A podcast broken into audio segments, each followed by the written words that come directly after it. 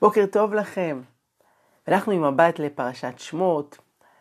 בראשית, מאחורינו, סיימנו את תקופת האבות, ואנחנו פוגשים את עם ישראל. והפעם עם מבט לפרשה בעיניים של הרש"ר הירש. רבי שמשון רפאל הירש, אחד מהפרשנים המופלאים, חי במאה ה-19, ואני חייב להגיד, כל שבוע נהנה לשתף אתכם ברעיונות מהעיניים של אחד מהמפרשים, אבל הפעם יש לי התרגשות מיוחדת לדבר על האיש הזה. אני אספר קצת רקע, שנבין מתוך מה הוא צמח, וגם ניקח כמה פנינים מהדברים שלו על הפרשה. בסוף המאה ה-18, היהודים באירופה זוכים לאמנציפציה, שוויון זכויות. עד אותו יום הם היו מאוד מוגבלים מבחינת אזורי המגורים, מבחינת שותפות בהשכלה, תרבות, עבודה, ופתאום החומות נופלות וניתנות להם כל מיני אפשרויות. אין ספק, יש בזה ברכה גדולה. חידוש שלא היה לנו מאות שנים. מצד שני, היה באמנציפציה סכנה להמשך קיומה של היהדות. כי לא מעט יהודים ניצלו את ההזדמנות כדי להתערב, להשתלב ולהתבולל.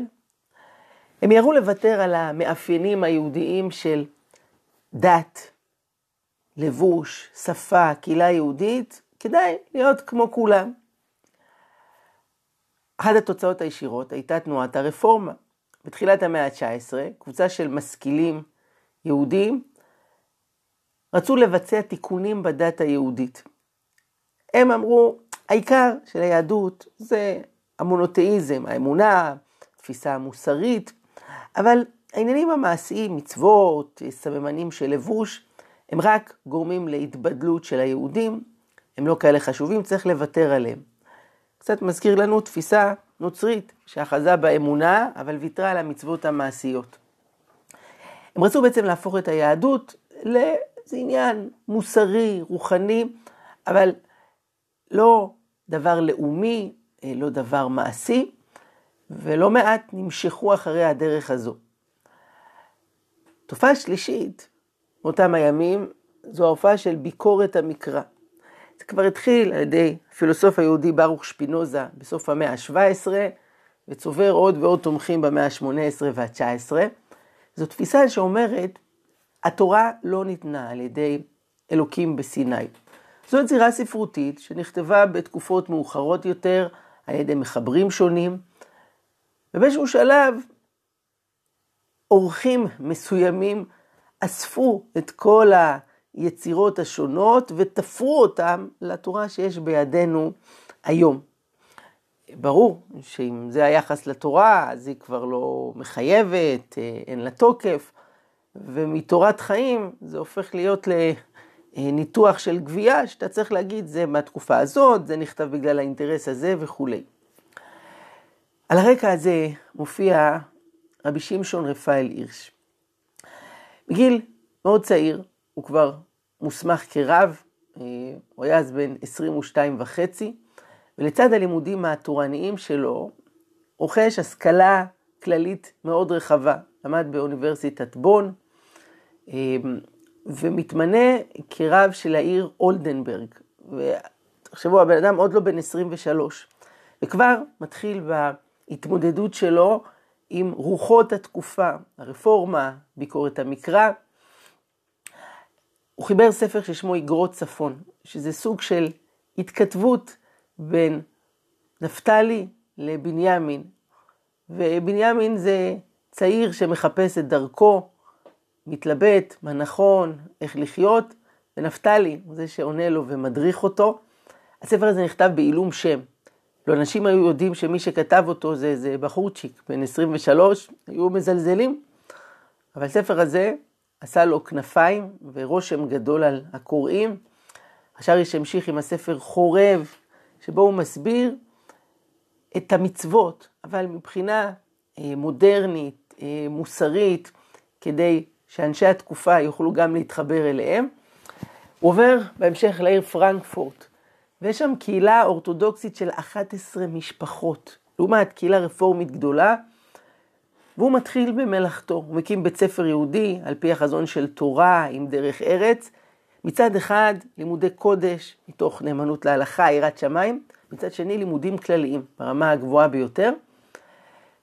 והוא הולך וקונה לו לבבות, אה, כשגולת הכותרת של מפעלו היה הפירוש שלו על התורה. אה, עבור יהודי גרמניה באותם הימים, שרוצים ללמוד פרשת שבוע, זה היה נחשב ממש כמו אה, פירוש רש"י. זה הפירוש שהיו לומדים, שהיה מחבר אותם. אחד הדברים המדהימים אצל האיש הזה, ששפת אמו הייתה גרמנית, אבל ההבנה שלו בלשון הקודש והפירושים הלשוניים שלו, אתה עומד נדהם. זה פשוט לא ייאמן, אולי נצייר את הדוגמה אה, עוד רגע. היה גם אדם מאוד מאוד מוסרי וישר. הוא היה מקבל משכורת מהקהילה בכל תחילת רבעון של השנה האזרחית. אתם מבינים, אם פה בארץ משלמים לך שוטף פלוס 60, פלוס 90, אה, פלוס אחרי 120, שם נתנו לך מראש על שלושה חודשים. והוא היה כבר מאוד קשיש, והוא חשש שאם הוא ייפטר מן העולם לפני תום הרבעון, יצא שהוא בעצם קיבל כסף מראש על שירות לקהילה שהוא לא עשה.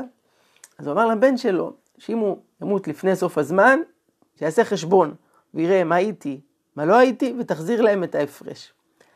הוא נפטר בסופו של דבר בכ"ז טבת, שזה השבוע, התאריך הלועזי היה באותו יום 31 בדצמבר. זכה למלא את משרתו עד היום האחרון. מספרים שבקשתו האחרונה לפני מותו הייתה שייתנו לחם לציפורים שבאות כל בוקר לחלון. הוא היה רגיל לפזר להם שם פירורים, והם כבר התרגלו שיש כאן מישהו שמאכיל אותם. הוא אמר, מחר אני כבר לא אהיה פה, והם שוב יבואו, תנו להם לחם לאכול. השאריש היה מחנך דגול, הוגה מוסרי, וכמובן, תלמיד חכם, ירא שמיים, אה, פרשן גדול של התורה, ומנהיג שהשאיר חותם גדול על הדור שלו. אה, בואו נשתף בפנינים מתוך הפירוש שלו על פרשת השבוע שלנו, שמות. השריש עומד על השם שזכה לו משה רבנו. זה יוצא דופן שלא ההורים נותנים את השם, אלא אישה זרה ועוד נסיכה מצרית. אבל אומר השריש, יתרה מזו, היא נותנת לו שם לכאורה לא נכון. היא קראה לו משה, כי מן המים משיתיהו. אבל רגע, אם זו הסיבה, היא הייתה צריכה לקרוא לו משוי, לא משה. כי הרי הוא נמשה על ידה.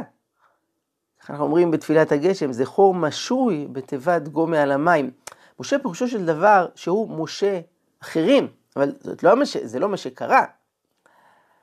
אומר הרש"ר הירש, שאותה אישה אצילה, אותה נסיכה מצרית, רק תבינו את הסיטואציה. תארו לעצמכם שהבת של היטלר מאמצת ילד יהודי, מגדלת אותו בביתה. נשמע לכם הגיוני? אבל זה בדיוק מה שקרה. אבא שלה, פרעה הרשע, גוזר גזירה שצריך להרוג את כל הילדים היהודים, והיא מאמצת אחד כזה בבית שלה. לא יאמן. מה זה צריך ממנה? איזה אומץ, איזה מסירות. בכל אופן, היא אומרת לילד הזה מסר חשוב לחיים. אל תשכח, יקירי, לעולם, מה קרה לך, מאיפה באת. אתה הושלכת אליי אור, כמעט עבדת שם, נטרפת על ידי התננים, ואני משיתי אותך. תהיה כמותי. ותמיד בחיים, כשתיתקל במישהו שנמצא בצרה, תהיה משה. תושיע אותו, תמשה אותו מהצרה שלו. אם ננסה לתמצת את ייעודו בחיים של האיש הזה, שהופך להיות אחד המנהיגים הדגולים, אחת הדמויות אולי החשובה מכל בהיסטוריה, לא רק היהודית, האנושית בכלל. אתם יודעים שבבית הנבחרים בארצות הברית, אז יש שם 23 פסלים של דמויות שהשפיעו על המין האנושי. יש שם 11 מימין, 11 משמאל, ביניהם תמצא את ישו, מוחמד וכדומה, ובאמצע, אתם יכולים לנחש מי נמצא? משה רבנו, הוא ולא אחר. במילה אחת, מה היה האיש הזה? הוא היה משה. הוא משה את ישראל ממצרים, ועוד לפני כן, בכל הזדמנות שמישהו בצרה, הוא משה אותו. רואה איש מצרי מכה איש עברי, הוא לא מסתכל, הוא לא מצלם, הוא מציל אותו. זה ממשיך, כשהוא רואה יהודים רבים, הוא מגיע למדיין ורואה נערות מדייניות, זה, זה לא יהודיות אפילו. מה אתה מתערב? הוא מתערב, הוא לא יכול לעמוד מנגד. הוא כל הזמן משה ומשה ומשה. המסר הזה נוגע גם אלינו להיות מושים. לא לצלם דברים, לא רק לעשות להם לייק, לא לשתף, אלא להשתתף. לא לעמוד מן הצד כשמישהו בצרה. עוד, אומר השאר הירש, מצביע על התנהלות יהודית מעניינת, כשאותם שני אנשים עיוורים הולכים מכות ביניהם, משה פונה לאחד מהם ואומר לו, למה תכה רעך? התגובה של האיש מדהימה. הוא אומר לו, מי שמך לאיש, שר ושופט? בעברית מודרנית קוראים לזה, למה מי אתה? אומר השאר זה, זה לא ייאמן, הסיטואציה פה, מדובר פה בעבד יהודי נרצע. אחד כזה שהוא חסר אונים מול הקלגס המצרי. אבל כשבא פה מישהו אחר, שכנראה הוא מזהה אותו כיהודי, כמישהו שהוא בן העם שלו, איך הוא מתייחס אליו? למה מי אתה? שום כבוד לסמכות, לגבולות, לאיזה היררכיה.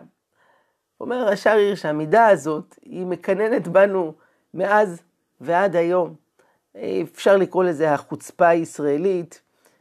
תראו מה קורה היום בתקופת הקורונה. יש כללים, אנחנו נמצאים במאבק, יש כאלה שיעשו גם חתונות המוניות, שמים פס. למה מי אתה? אל תגיד לי מה לעשות. אני יודע, סוג של עזות. אומר השאר הירש, כן, תראו שריבונו של עולם בחר דווקא בעז שבאומות כדי לתת לו את התורה שלו, תורה שהיא אש דת. דווקא בעם הזה תיבחן עוצמת הלהבה של תורת ישראל. אלוקים לא בחר לו איזה עם כנוע וסבלני. אומרים שהפיליפינים הם טיפוסים מאוד נוחים, הם צייתנים, הם נרתמים, הם עוזרים. אלוקים לא לקח אותם, לקח את היהודים עם כל החוצפה, עם כל העזות שלהם, ודווקא איתם. הוא עובד, התורה בוערת ומשפיעה עליהם כדי להפוך אותם להיות מה שהם יכולים להיות. הערה שלישית של הרש"ר הירש על הפרשה, התורה אומרת שקדוש ברוך הוא מצווה את משה ללכת לישראל ולומר להם, אלוהי אבותיכם נראה אליי. אלוהי אברהם, יצחק ויעקב לאמור. קצת מזכיר לנו את הברכה הראשונה ב-18. אלוקינו ואלוהי אבותינו, אלוקי אברהם, אלוקי יצחק ואלוקי יעקב. אם תשימו לב, יש כאן אריכות יתרה ללא צורך. אתה יכול להגיד, אלוקי אבותינו, הבנו, זה אברהם, יצחק ויעקב, אלא מי? תרח, מתושלח. אנחנו יודעים מי הם אבותינו. למה הפירוט הזה? אברהם, יצחק ויעקב. אומר הרש"ר הירש, אברהם, יצחק ויעקב היו אנשים שונים זה מזה. מה שעבר עליהם בחיים לא היה דומה. היה את אברהם אבינו עם השגשוג, ההצלחה שלו, נשיא אלוהים אתה בתוכנו. היה את יצחק שהתחיל בטוב, אבל היה את הירידה, מסיים את חייו, עיוור, ספון בחדרו, והיה את יעקב, שהוא בכלל פועל בלילה, כל הקשיים, האיסורים, ההתמודדויות שלו. אבל, אומר השעריש, זה לא משנה. אצל שלושתם, עם כל השוני באופי, ברקע, בתהפוכות החיים, כולם היו קרובים לאלוקים. כולם היו נאמנים לברית איתו. והמסר לכולנו הוא שלא משנה מה עובר עליך, עם מה אתה מתמודד, בין אם אתה כמו אברהם, כמו יצחק, כמו יעקב, או כמו משהו אחר לגמרי. כל אחד, כל יהודי, במקום שלו, באופי שלו, בהתמודדויות שלו, יכול וצריך לשמור על נאמנות יכול לפתח את הקשר המיוחד שלו עם אלוקים. אלוקי אברהם הוא לא כמו אלוקי יצחק והוא לא כמו אלוקי יעקב.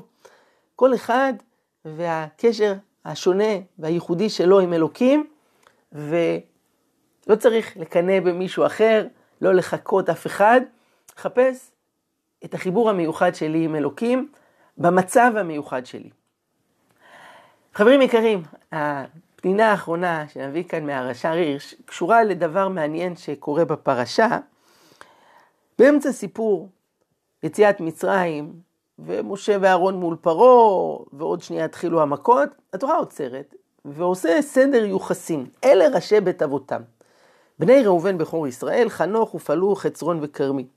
וכולי. תורה מתחילה משבט ראובן, ומונה את המשפחות, את הצאצאים, את הנכדים, כך על ראובן, כך על שמעון, כך על לוי, עד שמגיעים אל משה ואהרון משבט לוי, וחוזרים לסיפור. השאלה היא למה? מה אתה עוצר לי באמצע? מה זה הפסקה לפרסומות? למה זה טוב? מה, אתה רוצה לעשות פה אה, מניין של עם ישראל, אבל למה דווקא עכשיו? ואם כן, אז למה עצרת אחרי שלושה שבטים? מה, אתה רוצה לעשות ייחוס למשה ואהרון, להסביר את ההיסטוריה שלהם? 60 שניות על משה ואהרון? אין בעיה. אז תעשה רק על שבט לוי, ואל תתחיל מראובן ושמעון. מסביר זאת הרש"ר הירש כך. עד עכשיו היה בפרשת שמות ניסיון להוציא את ישראל ממצרים, שהסתיים באכזבה. הם באים לפרעה, ובסוף פרשת שמות, אז הוא אומר להם, נראה לכם? לא רק שאני לא אשחרר את העבדים, אני מעכשיו גם תבן לא אתן להם. וזה נראה שהמצב רק הוחמר ולא השתפר. הגאולה נסוגה אחורה. אבל עוד מעט הולך לקרות המהפך. ומשה ואהרון הולכים להצליח בשליחות הגדולה בהיסטוריה. להוציא עם של עבדים ממקום שאף עבד עוד לא נחלט משם. להוציא אותו, להפוך אותו לעם, לתת לו תורה, לקחת אותו לארץ המובטחת. הם הולכים לעשות את השליחות החשובה ביותר בהיסטוריה האנושית. דווקא ברגע הזה, אומר השער הירש, חשוב להבהיר מי הם האנשים האלה. כי כבר נתקלנו בהיסטוריה בסיפורים של האנשים שייחסו להם כל מיני תכונות אלוהיות. והוא רומז פה לאיזה ילד אחד שנולד בבית לחם, שלא היה ברור בדיוק מי האבא, וכבר התחילו סיפורים, לא, זה מרוח הקודש, וכל מיני סיפורים על ניסים, וכולי וכולי, או בתפיסה המוסלמית, ששם בכלל אומרים מקודש מקודש על כל מה שעשה מוחמד, גם אם זה מעשי עוול, אלימות, אכזריות. אומר השאר הירש, התפיסה היהודית היא לא כזו. משה שלנו היה אדם, נשאר אדם, ולעולם לא יהיה כי אם אדם. התורה בכוונה מספרת לנו מאיפה הוא בא, מי היו הדודים שלו, הסבים שלו, האחים שלו, כל המשפחה. משה לא היה אלוהי, היה לו סייעתא דשמיא משמיים, אבל הוא היה בן אדם יש הפרדה ברורה בתפיסה היהודית בין אלוקים שבשמיים ובני אדם שהם על הארץ, ואסור להתבלבל. מצד שני, אומר הרש"ר הירש, יש כאן דגש נוסף. כי בשביל להשיג את המטרה הזו, היה די להתחיל משבט לוי ולהראות את העץ המשפחתי שלו. למה מתחילים מראובן? להגיד שאומנם הוא היה בן אדם, אבל לא סתם בן אדם. עובדה שלא נלקח מישהו מראובן, לא משמעון, היה צריך לחכות עד שבט לוי, ורק שם נמצא האדם המתאים. וזה בא לשלול תפיסה אחרת. כאילו, כל אחד יכול להיות נביא, גם אם יש לו בעיה במידות שלו, בעיה בתפיסה השכלית שלו, ומאז ועד היום אתה יכול לראות כל מיני טיפוסים, בבות למיניהם, עושה נפלאות, רודפי בצע, שהם מקולקלים במידות, אבל יש להם כביכול כוחות אלוהיים, ידע נבואי. אומר השער הירש, אין דבר כזה. משה רבנו מצד אחד היה בן אדם, הוא לא היה אלוהים. מצד שני, הוא לא היה סתם בן אדם, הוא עבד על עצמו, הוא התאמץ, הייתה לו נשמה מיוחדת, זה משה שלנו. והרקע המשפחתי שלו בא לכוון אותנו, לא ליפול בשתי הטעויות האלה. הוא לא היה אלוהי, הוא היה בן אדם, אבל הוא לא היה סתם אדם, הוא היה אדם שעמל קשה כדי להגיע למדרגה שלו. שיהיה לכם חברים יקרים, שבת שלום. זה היה כמה פנינים מתורתו של הרש"ר הירש. ניפגש בעזרת השם בשבוע הבא. מוזמנים לשתף בשולחן שבת את המשפחה בהערות האלו. היום ב-10 בבוקר יש לנו מפגש זום, אצרף לכם את הקישור לכל הילדים. אתם מוזמנים לצרף גם אותם. להתראות, ברכה והצלחה.